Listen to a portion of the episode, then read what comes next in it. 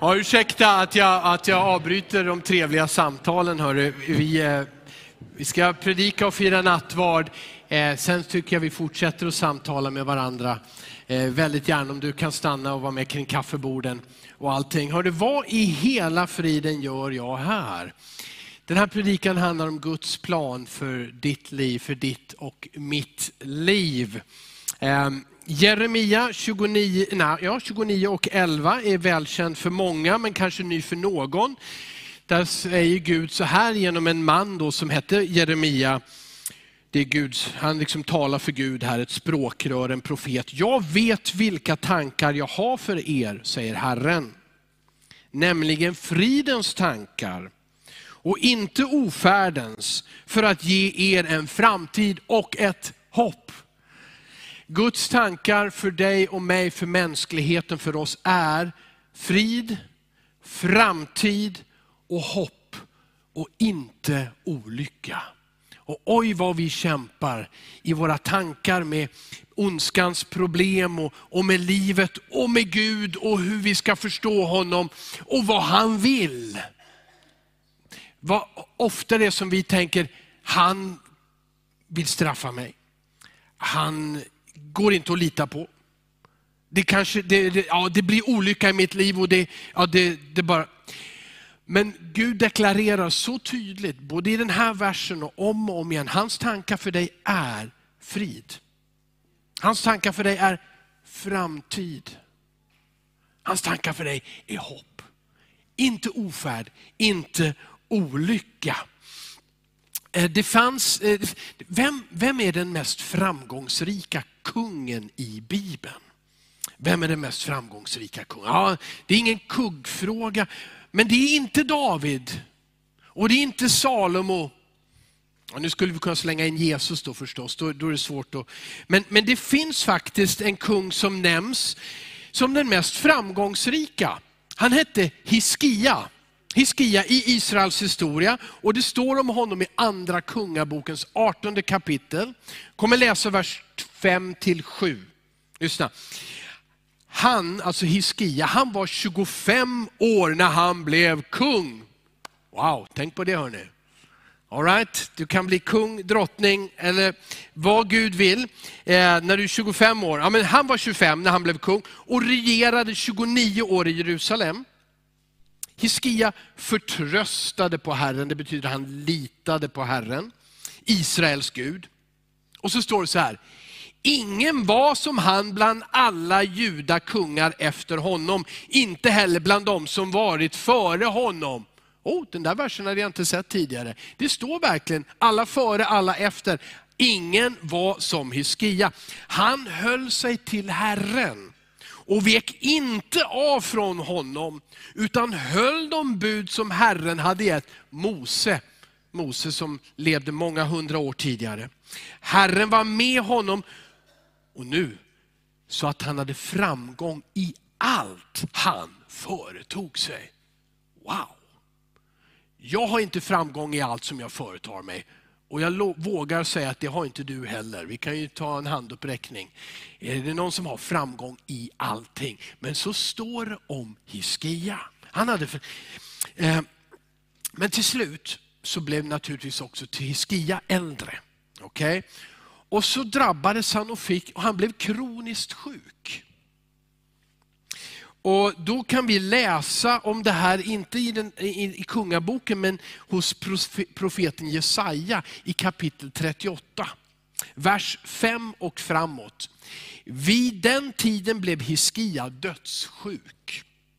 Profeten Jesaja, Amos son, kom till honom och sa, så säger Herren, se om ditt hus, för du kommer att dö och ska inte tillfriskna. Usch.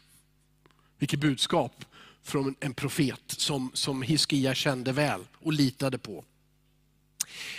Då vände Hiskia sitt ansikte mot väggen och bad till Herren. Och Herre kom ihåg att jag har vandrat inför dig i trohet och med hängivet hjärta och gjort det som är gott i dina ögon. Och Hiskia grät mycket.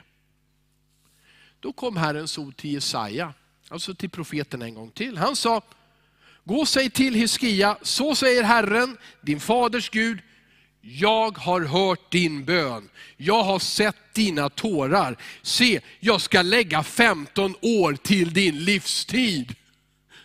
Vilken otrolig berättelse. Han får ett sånt fruktansvärt budskap. Och, och, Någonstans så kan ju han också tänka, ja men det är så här det måste bli. Jag har blivit sjuk och nu tar det slut. Men Hiskia väljer att argumentera med Herren. Han väljer att, att prata med Herren om det här. Han, han, han ber. Föreställ dig att du pratar så med Gud. Vad sa Hiskia? Han sa, jag har varit trogen dig. Det är dig jag har varit trogen Herre. Och se vad jag har gjort för ditt folk, som kung Israel, för mina medmänniskor. Det är det här som han säger till Herren. Och Gud höll med. Ja, du har varit trogen mig. Och du har brytt dig om dina medmänniskor. Hiskia säger, jag vill, jag vill leva, jag vill fortsätta att tjäna dig och andra. Och Gud säger den här gången, okej, okay. så med det syftet, att du fortsätter och är trogen mig och tjänar andra, så ska du få leva 15 år till. Vilken hoppfull berättelse det här är. Den är helt otrolig. Eh, några frågor, tre frågor här. Om Gud bad dig att ange skäl varför han ska ge dig 15 år till, vad skulle du svara? Det blir, fundera på det, både nu och kring fikat. Vad skulle du svara? Eller vad skulle du säga? Ja, Gud, låt mig leva lite längre. På grund av det, tack vare. En annan fråga, om Gud utvärderar de senaste 15 åren av ditt liv. Vad han har gett till dig. Hur har du förvaltat den tiden, de åren? De gåvor som du har fått, de möjligheter. Skulle Gud ha goda skäl utifrån Hiskias exempel att förlänga ditt liv?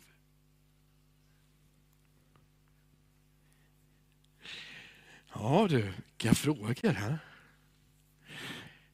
Nummer tre, oavsett hur mycket tid du och jag har kvar att leva. Vi kanske har en viss oro eller en viss känsla, länge eller kort. Oavsett, är du beredd att ta vara på resten av ditt liv på jorden? Och göra det som Gud har skapat dig till.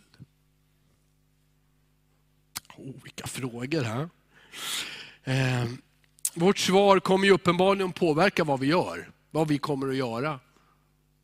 Men från Heskias exempel, och kanske inte bara från hans exempel, så kommer det också påverka längden av våra liv på jorden.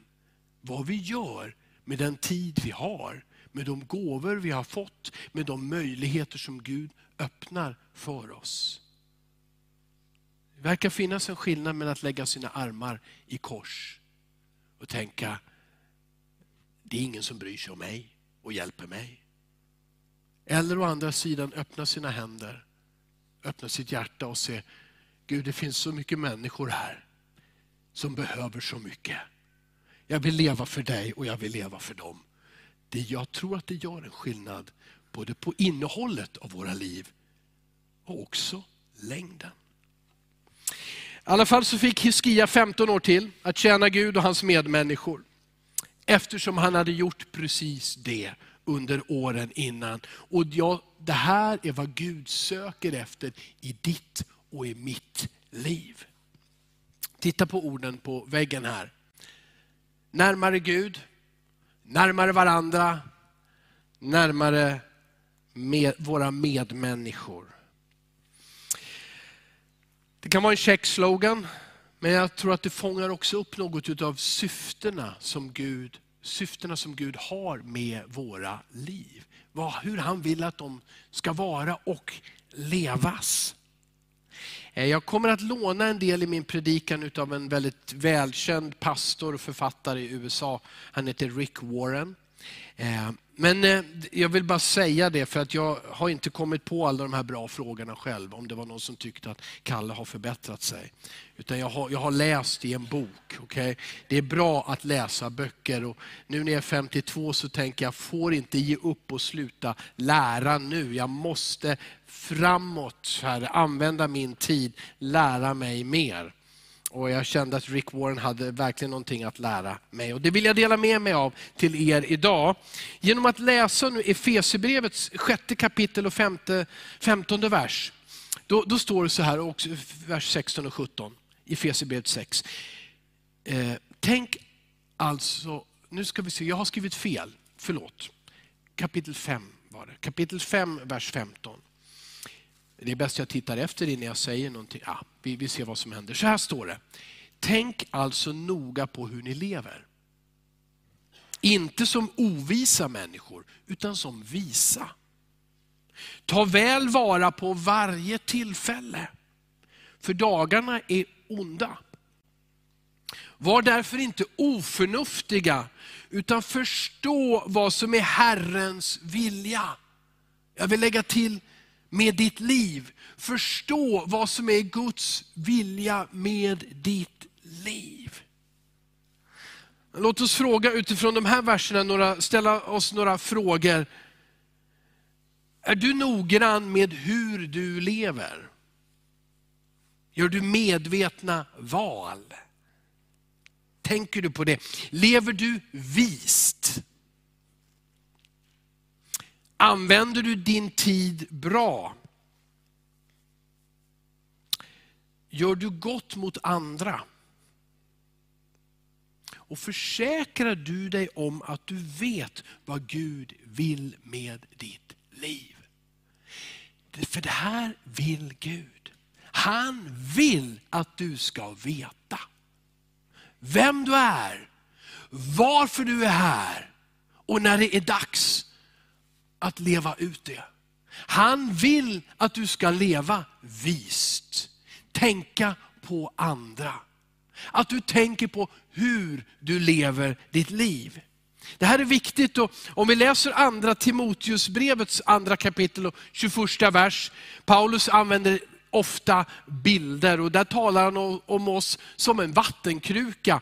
Och vikten av att den vattenkrukan är ren. För om du ska lagra vatten i vattenkrukan och vattenkrukan är smutsig, vad händer med vattnet som du hoppades skulle dricka?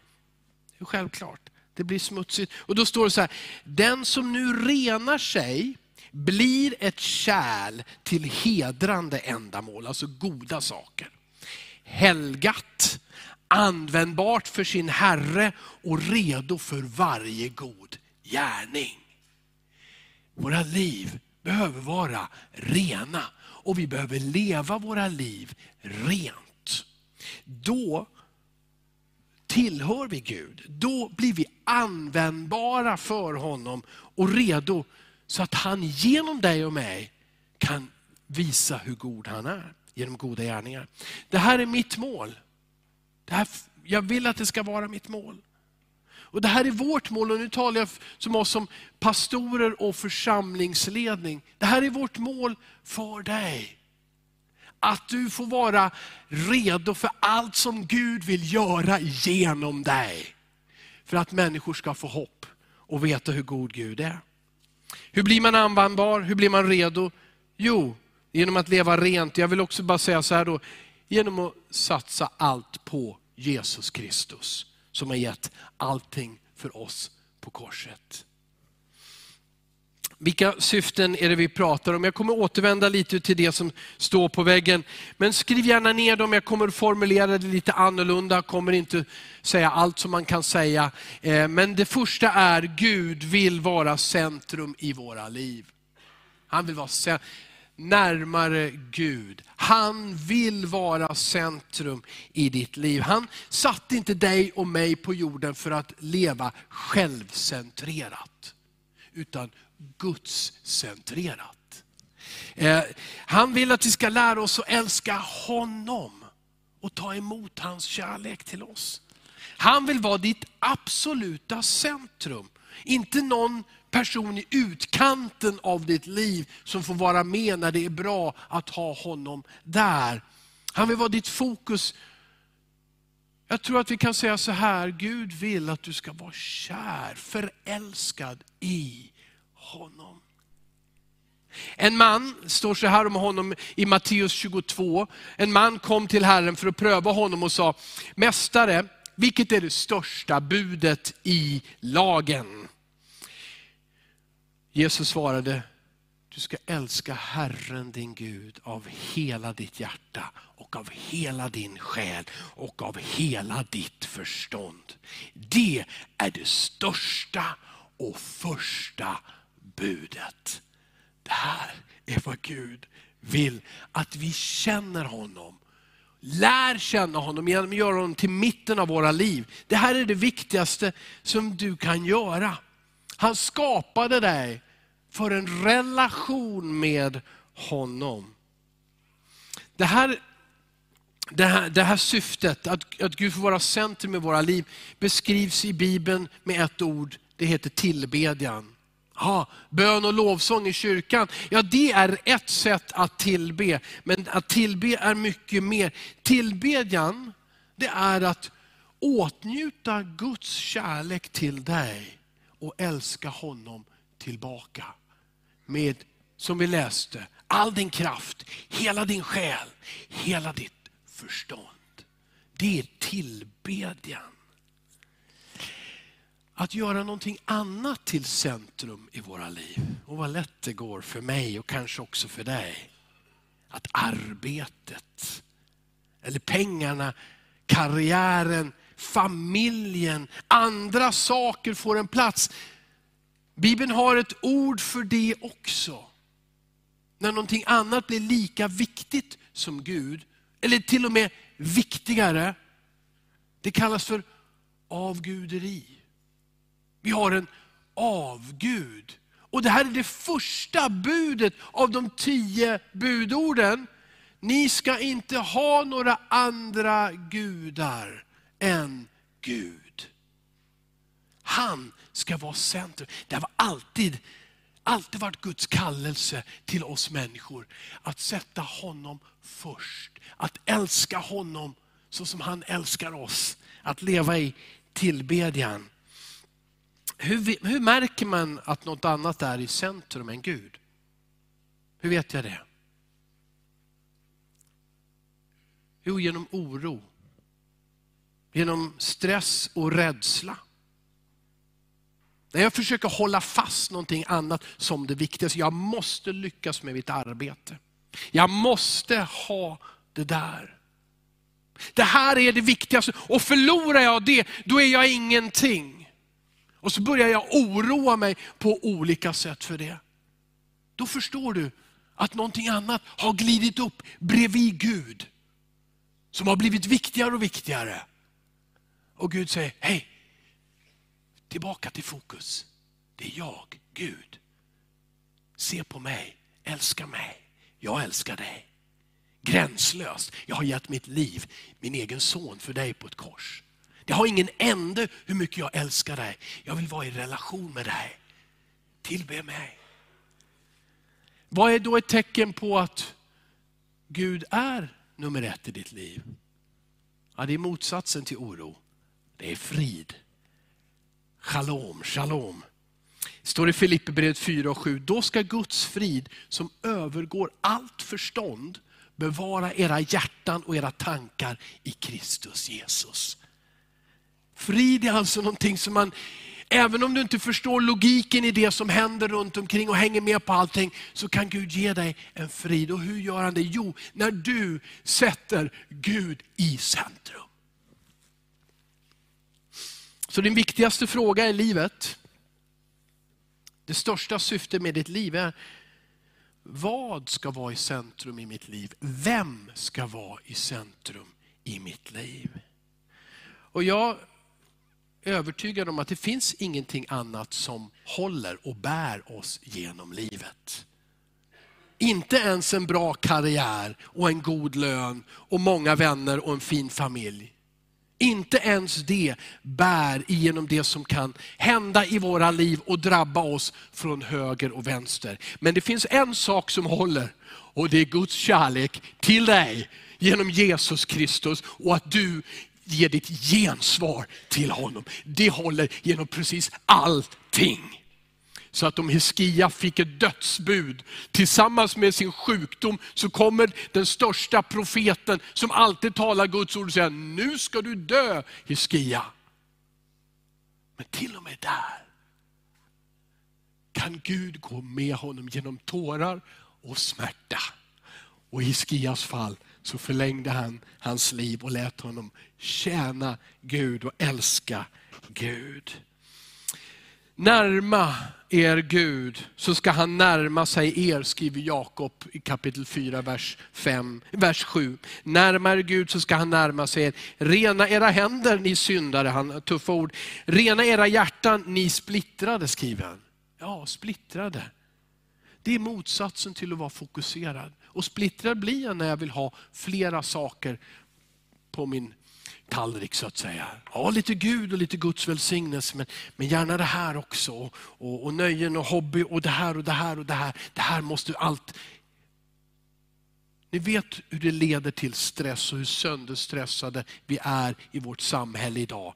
För att vi ska ha det här, det här, det här, det här. Och allting ska funka lika bra hela tiden. Och vi har ingen aning om, var är centrum i det här? Och Gud säger, gör mig till centrum. Så lovar Jesus, då ska ni få allt det andra också. Amen. Så då får du frid och så får du allt det som du behöver som människa också. Om du låter han vara centrum. Vill du närma dig Gud 2023? Det här Gud är ett år som jag vill närma mig dig och medvetet sätta dig i centrum. Har ni, har ni ork för lite till? Tack för några som sa ja. För då, då tar jag det som intäkt på att jag får fortsätta. Gud har ett annat syfte också med ditt och mitt liv. Han vill att vi ska lära oss att älska hans familj. Var, sitter han, var är hans familj någonstans? Här, åh vad härligt, tack, tack. Du sa precis så små, innan predikan satt och småpratade med några stycken utav dem. Han sätter oss här på jorden för att han vill lära oss att älska, älska hans familj. Varför, varför vill han det så mycket? Jo, men det står ju Gud är kärlek. Tack. Gud är kärlek. Han skapar dig som ett föremål för sin kärlek. Han vill ha en familj, han kallar den för församlingen. Han vill att vi ska han vill att du ska vara med i en lokal församling där du bor, där du verkar, där ditt liv är. Gud säger inte till dig, gå i kyrkan, besök en gudstjänst. Han säger så här, välkommen in i min familj. Här hör du också hemma. Ordet varandra, det är så jättevanligt i Bibeln. Och speciellt när vi kommer till de här breven som finns i Nya Testamentet. Det står sådana här saker som älska varandra, tjäna varandra, bär varandras bördor, be för varandra, var uthålliga i kärleken till varandra. Klaga inte på varandra. Var gästfria mot varandra utan att klaga. Uppmuntra varandra. Ge akt på varandra alltid göra gott mot varandra och så mycket mer. Vilka bra tolkar vi har. Det går lite snabbt hörni. Ni är fantastiska. En applåd för våra tolkar hörni.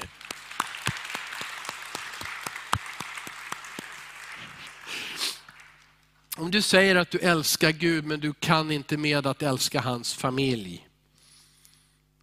Vem försöker du att lura? Församlingen Alltså inte kyrkan, inte byggnaden, men, men gemenskapen. Det är övningsrummet. Det är övningsplatsen för att lära sig att älska. Vad ska du göra i himlen i all evighet? Där ska du älska Guds familj. Så varför inte börja öva här på jorden? Det är, det, är, det är enkelt att älska sådana som dig. Du är en snäll människa, men vad är med de där andra jobbiga? Gud vill att du ska älska dem. Gud har inte skapat dig för att leva i isolering. Älska honom, men älska också hans familj. I brevbrevet eh, 10.25 st står det så här, låt oss inte överge våra sammankomster så som några brukar göra, utan istället uppmuntra varandra. Som några brukar göra, det vill säga det har blivit till en vana, egentligen kallar vi det kanske något sånt för en ovana. Gör det inte till en vana eller ovana att skippa sammankomster med dina syskon, med Guds familj. Att skippa möten i kyrkan, att skippa den där hemgruppen som den är så trevlig och så snäll men jag hinner inte för jag måste göra det här nu. Och han säger, nej men Missa inte det. Gör det inte till en vana att komma varannan, var tredje, var fjärde, var femte gång, någon gång varannan månad eller så. Vem är det du lurar? För Gud har ett syfte, han vill att du ska älska honom. Och han vill att du ska älska hans familj. De människor som finns runt omkring dig.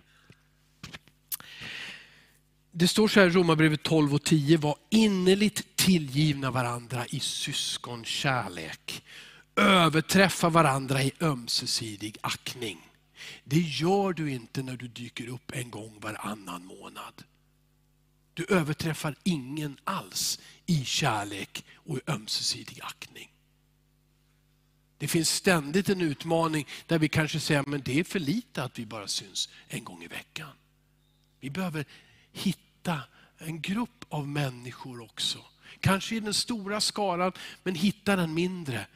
Där vi bryr oss, älskar, växer tillsammans, ber för varandra. Gör allt det här varandra som vi alldeles nyss läste om. Det här syftet, det kallar, om det första syftet som Gud har i tillbedjan så är det här gemenskap. Gud skapade oss till gemenskap. När han skapade den första prototypen, Adam, och så sa han, nu ska jag göra en bättre. Va? Eva sa, han, det är inte bra för mannen att vara ensam. Ja, men det här är, det här, så här ser Gud. Han skapar dig inte till att vara isolerad och ensam, utan för gemenskap. Och Det handlar inte om en ytlig gemenskap, det handlar om närhet, och öppenhet, ärlighet, trofasthet. Du som människa mår bättre av den lilla gemenskapen, den nära, ärliga gemenskapen. Inte bara andligt, fysiskt, själsligt. Allting mår bättre utav det. I kyrkan finns ett antal mindre gemenskaper. En del möts i hem. Det finns också många möten som är mindre. Det finns kurser och böneträffar, arbetsgemenskaper. Men 2023 så vill vi verkligen uppmuntra och stötta skapandet av mindre grupper av gemenskap i församlingen. Grupper där Jesus får vara i centrum. Det här är väldigt viktigt, att Jesus får vara i centrum.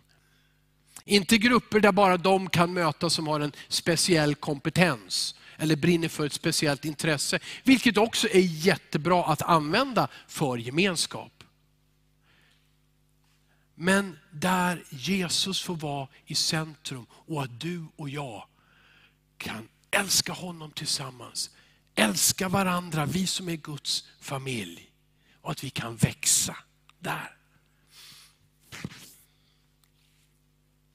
Vi är gjorda för gemenskap, att leva livet tillsammans.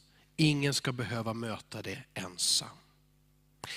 Det finns en modell i Apostlagärningarnas andra kapitel vers 41 och 42, sen hoppar jag till vers 46. Det står om den första kyrkan, första församlingen i Jerusalem. De tog emot honom, de som tog emot honom, nej så står det inte, de som tog emot hans ord, det var Petrus predikan, de som tog emot hans ord, de döptes. Antalet lärjungar den dagen eh, ökade med omkring 3000. De höll troget fast vid apostlarnas undervisning, vid gemenskapen, brödsbrytelsen och bönerna. Varje dag var de troget och enigt tillsammans i templet. Och i hemmen bröt de bröd och delade måltid med varandra i jublande innerlig glädje. Här beskrivs någonting om den första kyrkan som Gud har lagt i i församlingen och som är, som är viktigt också för oss. De trodde på det Petrus sa, de trodde på evangeliet. Då lät de döpa sig i församlingen. Då gick de med i Jerusalemkyrkan. Där lyssnade de och så, de lyssnade till undervisning och praktiserade dem. Vad är apostlarnas undervisning? Jo, det, det är naturligtvis det som vi hittar i Bibeln. De lyssnade det på det, de ville omsätta det så levde de i gemenskap i den stora, i templet där tusentals kunde mötas, men också i hemmen där några få kunde vara tillsammans. De firade nattvard tillsammans, men de åt också måltider tillsammans. Och några verser som jag inte läste nu, då, där handlar det om att de i princip delade e-, egendom med varandra för att stötta varandra och vara en familj. Vilket steg har du tagit? Är det något som du inte har tagit än? Eller ta tur med det. Kanske ditt steg att bekänna din tro på Jesus för första gången. Det är det allra viktigaste steget som du som människa kan ta. Att bekänna, jag tror på dig Jesus. Att du dog för mig. Att Gud älskar mig. Att du kan förlåta mig allt och göra mig ren. Det här är det viktigaste steget. Kanske du har tagit det och du behöver anmäla dig för att bli döpt. Kanske handlar det det här året om att läsa Bibeln. Säga, jag vill lära känna Guds ord. Ladda ner en bibelapp, komma till oss och se om du inte kan få ett nya testamente utav oss efter gudstjänsten. Det handlar om att bli en verklig del av gemenskapen. Inte på avstånd, kolla vad som händer, se om det passar och så vidare. Så jag vill in i Guds familj som den är. Och där vill jag vara del utav den. Börja be tillsammans med andra människor. Om det är per telefon i en smågrupp, onsdagens bönemöte. Om du redan har tagit de här stegen, fortsätt vara uthållig i det.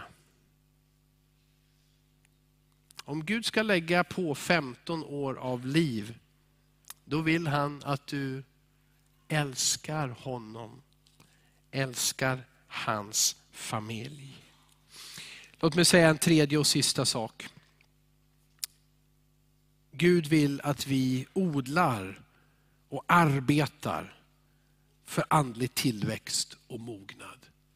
Det vill säga att du ska bli lik Jesus Kristus. Ett tredje syfte.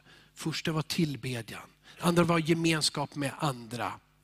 Och sen detta att växa, att mogna. Att älska Gud mer och mer, att lyda hans ord. Att börja tänka som Jesus.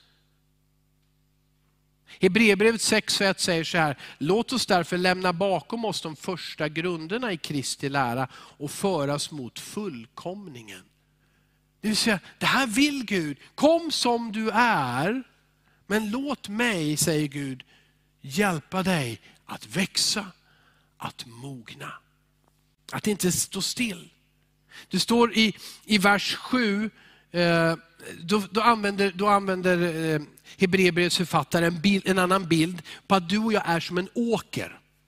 Och då står det så här, en åker som dricker det regn som ofta faller på den och som, och som ger god skörd åt dem som den odlas för, den åkern får välsignelse från Gud.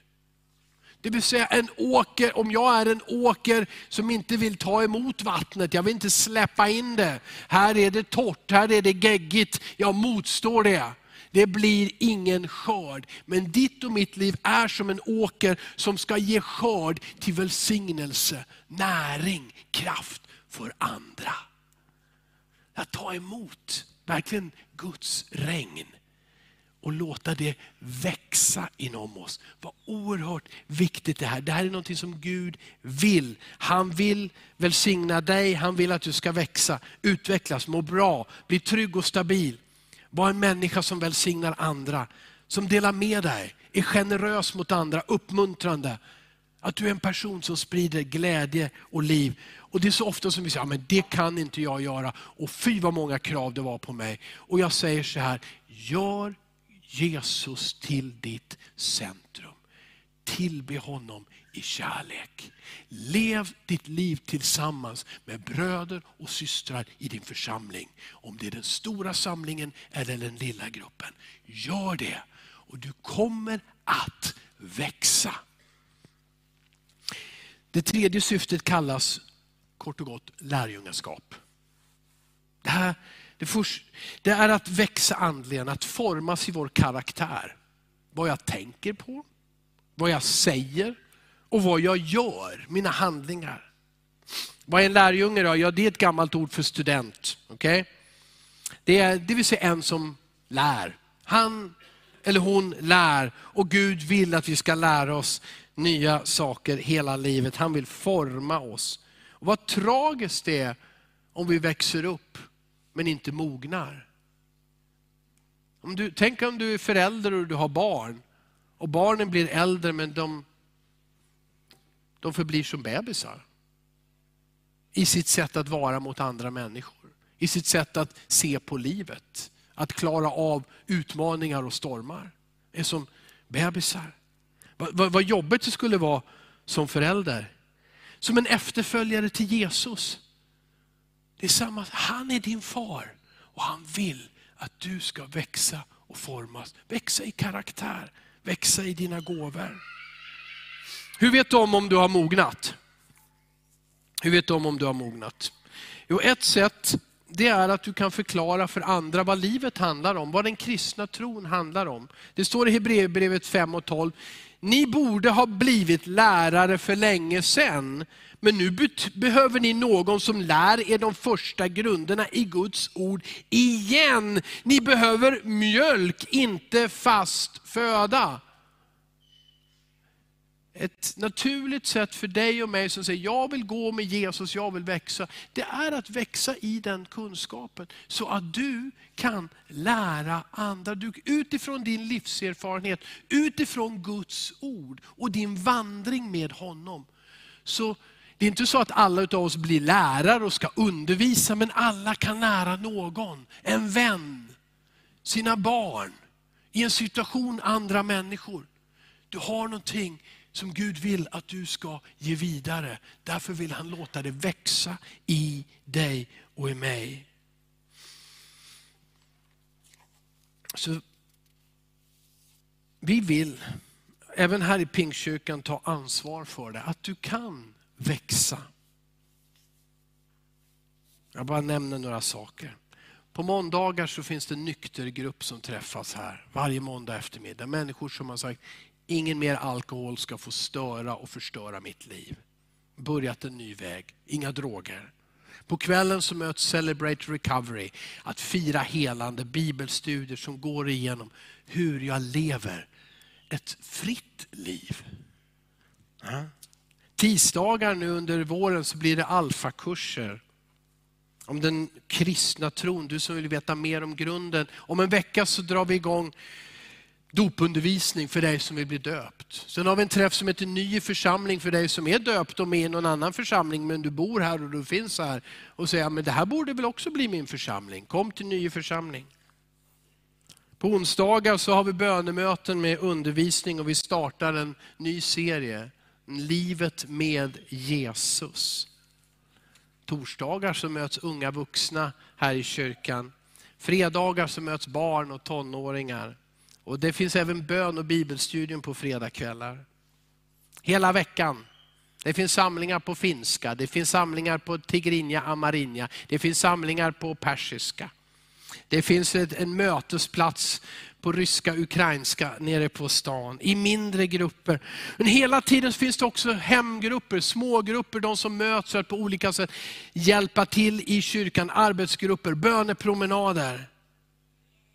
Och så börjar vi den här serien från och med idag. Guds plan med ditt och mitt liv. Vad är Guds syfte? Och vi kommer att fördjupa det här tillsammans, Rut och Malin och andra i predikan söndag för söndag. För att du och jag ska kunna växa tillsammans som lärjungar. Och Pingkyrkans ledarskap, jag säga så här, vi var överlåtet till att du ska kunna växa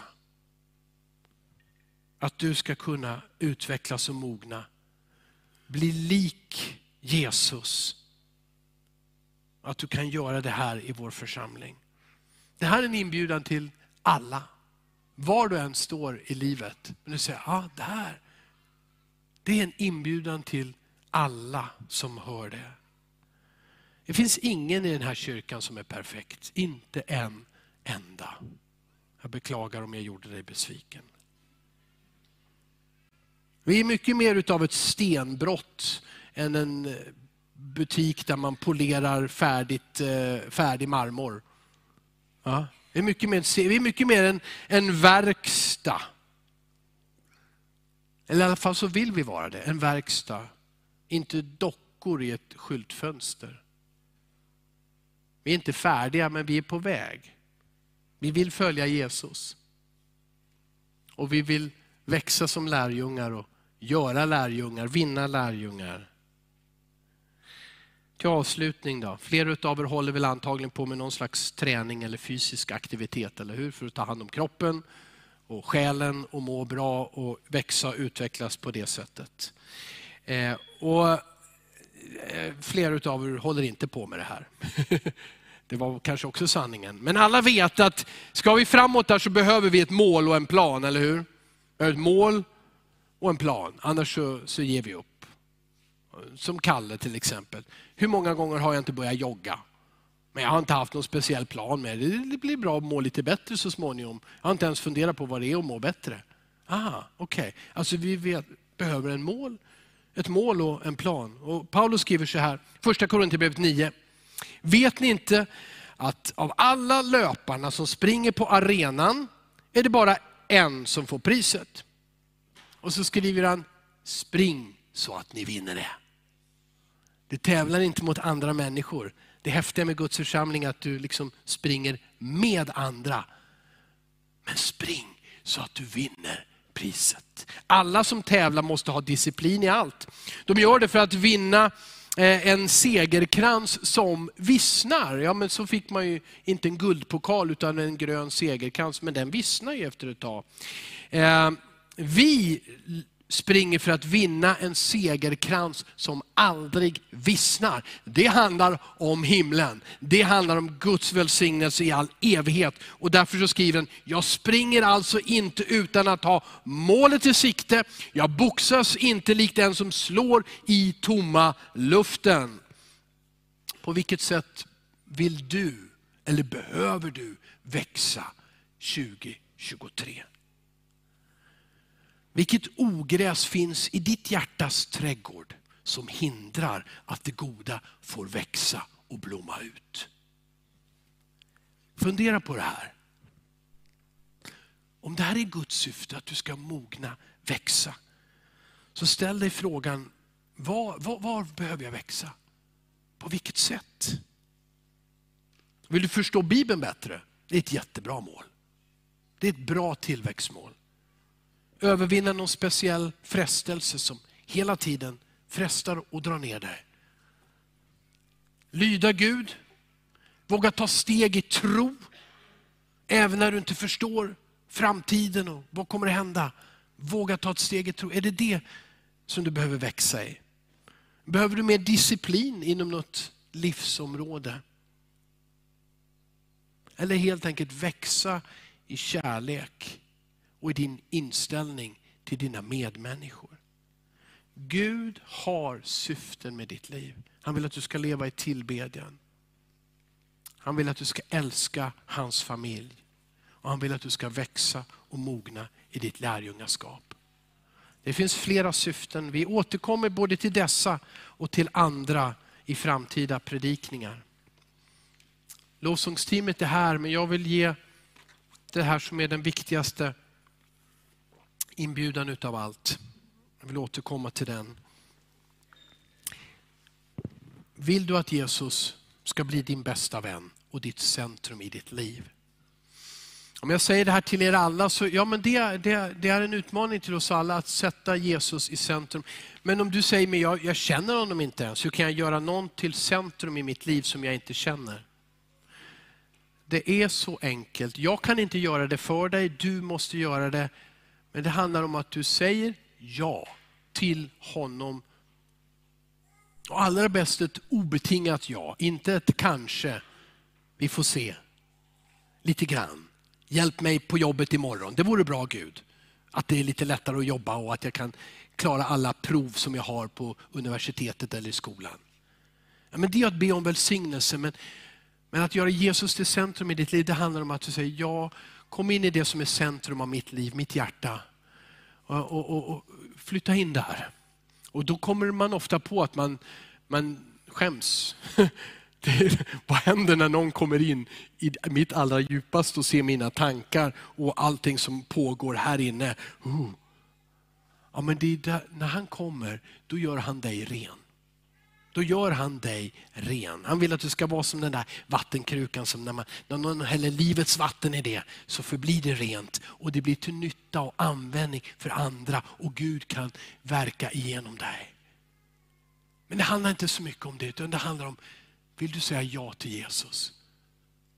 Kom in i mitt liv. Låt oss bara böja våra huvuden och be tillsammans. Får gärna blunda. Tack Jesus för att du är alla människors frälsare och du vill vara allas bästa vän. Tack för att du förlåter och renar den som ber dig om det.